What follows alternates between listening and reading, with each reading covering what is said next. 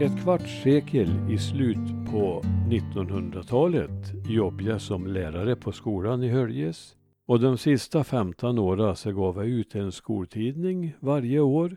Det var samma lite rubriker och, och data om vad som hade hänt i bygda. En årskrönika kanske man kan säga. Jag har gjort lite utdrag ur den och det kom in i två tidningsnummer i Värmlandsbygden den 17 och 28 januari 2008. Det här blir så pass långt så jag har delat in det i två olika avsnitt. Det första avsnittet är ifrån 1985 till och med 1989. Och det kommer nu. När jag tillträdde tjänsten som lärare på mellanstadiet i Höljes 1975 hade jag vissa planer på att starta en skoltidning där eleverna själva fick samla nyheter och dokumentera sin hembygd, Norra Finnskoga. Att det dröjde tio år innan jag kom till skott är en annan historia, något som det är lätt att ångra så här efteråt. En anledning till dröjsmålet är att vi gjorde en del tidningar men med mera blandat innehåll. Men en tidning i dagboksform med årlig utgivning blev det och den gavs ut från 1985 under alla mina år i Höljes och sedan ytterligare ett par år av Elinor Jönsson. 2002 kom sista numret och då var det dags för nedläggning, inte bara av tidningen utan av själva skolan.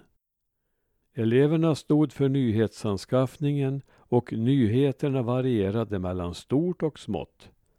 Spännvidden blev lite av tidningens kännetecken. Namnet på publikationen blev Nora Tösa, vilket på bygdens eget språk betyder norr om Tåsan, det vill säga Norra Finnskogas gränsälv mot Dalby i söder. Namnet hittades på av Kvistbergsskolans vaktmästare Bo Olsson som hjälpte till med tryckandet. Han kom själv från Nora Tösa. Här följer några utvalda exempel på nyheter från Norra Finnskoga under 1900-talets sista 15 år. Förmedlade av Höljes skolas elever genom Nora Tösa. 1985, den 7 till 10 januari. Vi har fått ett nytt golv i skolans gymnastiksal nu. Vi tycker det är fint. De har haft på lack som man ska ha på gymnastikgolv. Det är mycket bättre än det förra golvet. Den 17 januari Peter Larsson i Höljes har fått ett stipendium på 5 000 kronor från ICA för fjolårets bästa turistidé. Han har ordnat turismsatsningar i Värmland, främst fiskekvällarna vid Strängsforsen. Den 27 januari Ingeborg Persson i Bostaberg fyllde 100 år. Enligt kyrkboken är hon född den 28 januari men själv säger hon den 27 januari. Det var många som gratulerade henne och prästen var också där. Hon är den äldsta personen i Norra Finnskoga församling. Den 6 februari under den gångna helgen har det uppnåtts verkligt sträng kyla. Det har varit minus 42 grader i Långflon. Det var det kallaste sedan kriget. Den 10 mars, den här veckan har det blivit varmare och soligare än förut. Nu kanske man kan börja ta av sig mössa och jacka och eventuellt vantar om man har några på sig.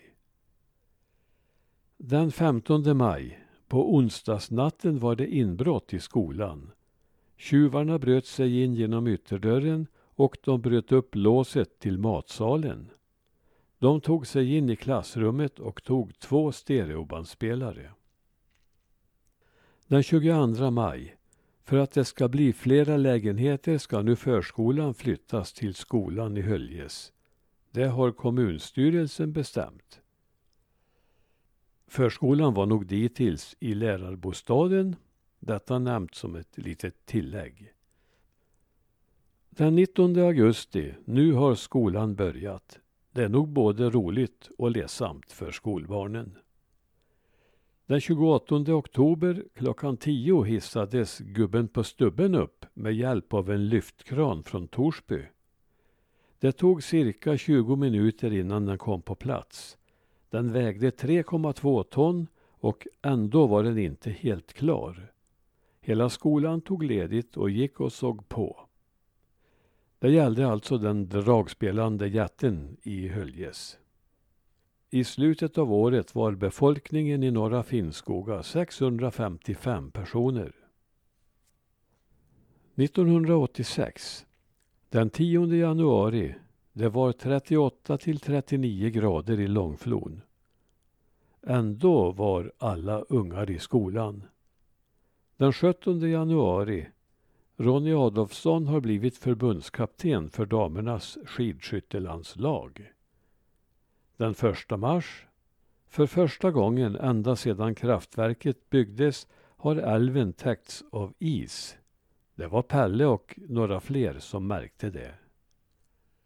Den 22 september, lärarprao. Idag var alla elever fria från skolan. Torleif och Sören var vid kraftverket Barbro var i affären och Ragnhild var med kommunsnickaren. Vecka 42. Skollov och älgjakt. Evert Jönsson hade skjutit en kalv.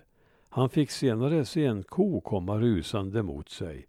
Han hann aldrig ta skydd eller avlossa ett skott mot kon. Hon förstörde hans bössa och walkie-talkie men Evert klarade sig bra. Han fick bara en spark på låret. Den 27 november, de satte upp den stora julgranen i Höljes och på lördagen tände de ljusen. Den 29 november, på lördagen var det scoutbasar. Där sålde scouterna korv, kaffe, julpynt med mera. Det var också ett Lucia-tåg där. Monica Olsson var Lucia. De fick in cirka 5 500 kronor. 1987, den 7 februari, Jessica Olsson blev tvåa i Svealandsmästerskapen i sin åldersklass på skidor. Den 1 april, hela skolan var i Höljesbacken och åkte slalom. Den 9 maj, årets finskoging heter Ingegärd Demaré och har blivit utsedd av Finnskoga gille. Den 13 maj, det snöade idag. En ny präst har kommit till Höljes. Han heter John Rustad. Vecka 36. En vildren har varit synlig i Klaråsen. Under sommaren uppmättes landets högsta temperatur just i Höljes. 30,5 grader.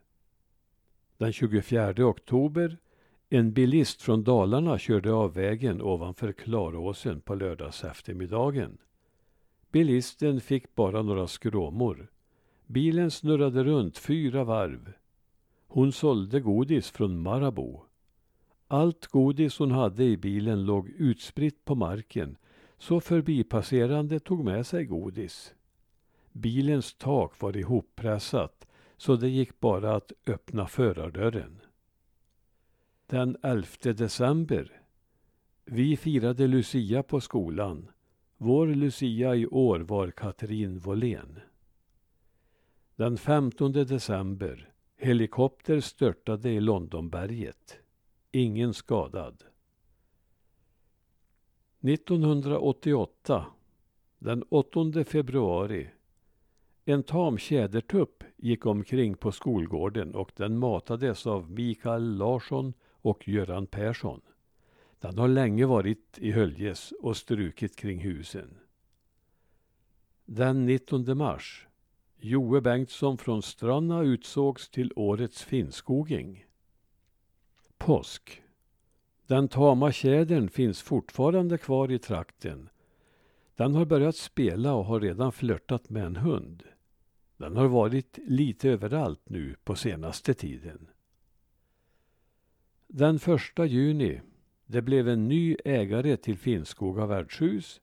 Den nya ägaren heter Mats Nordström. Den 14 juni regeringen beslutade att Strängsforsen inte ska byggas ut. September Malin Olsson var med sin pappa när han skulle skjuta en kanadagås. Malins farfar sköt först klockan två på dagen och han siktade i ryggen och han trodde att han träffade. Och på kvällen var Malin och hennes pappa iväg och sköt. Och Malins pappa sköt tre skott med hagel. Första skottet träffade han så att kanadagåsen ramlade, men den levde i alla fall. Andra skottet träffade han också och då sköt han av huvudet. Men kanadagåsen levde. Och tredje skottet, så dog kanadagåsen. Och på söndagen fick familjen alltså kanadagås. Det smakade älgkött.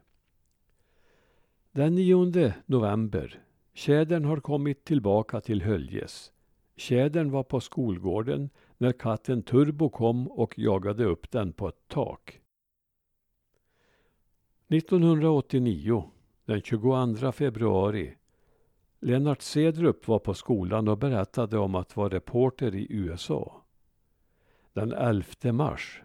Tony Evensson såg en uggla som dök efter en råtta vid Rävåsen. Den 19 maj.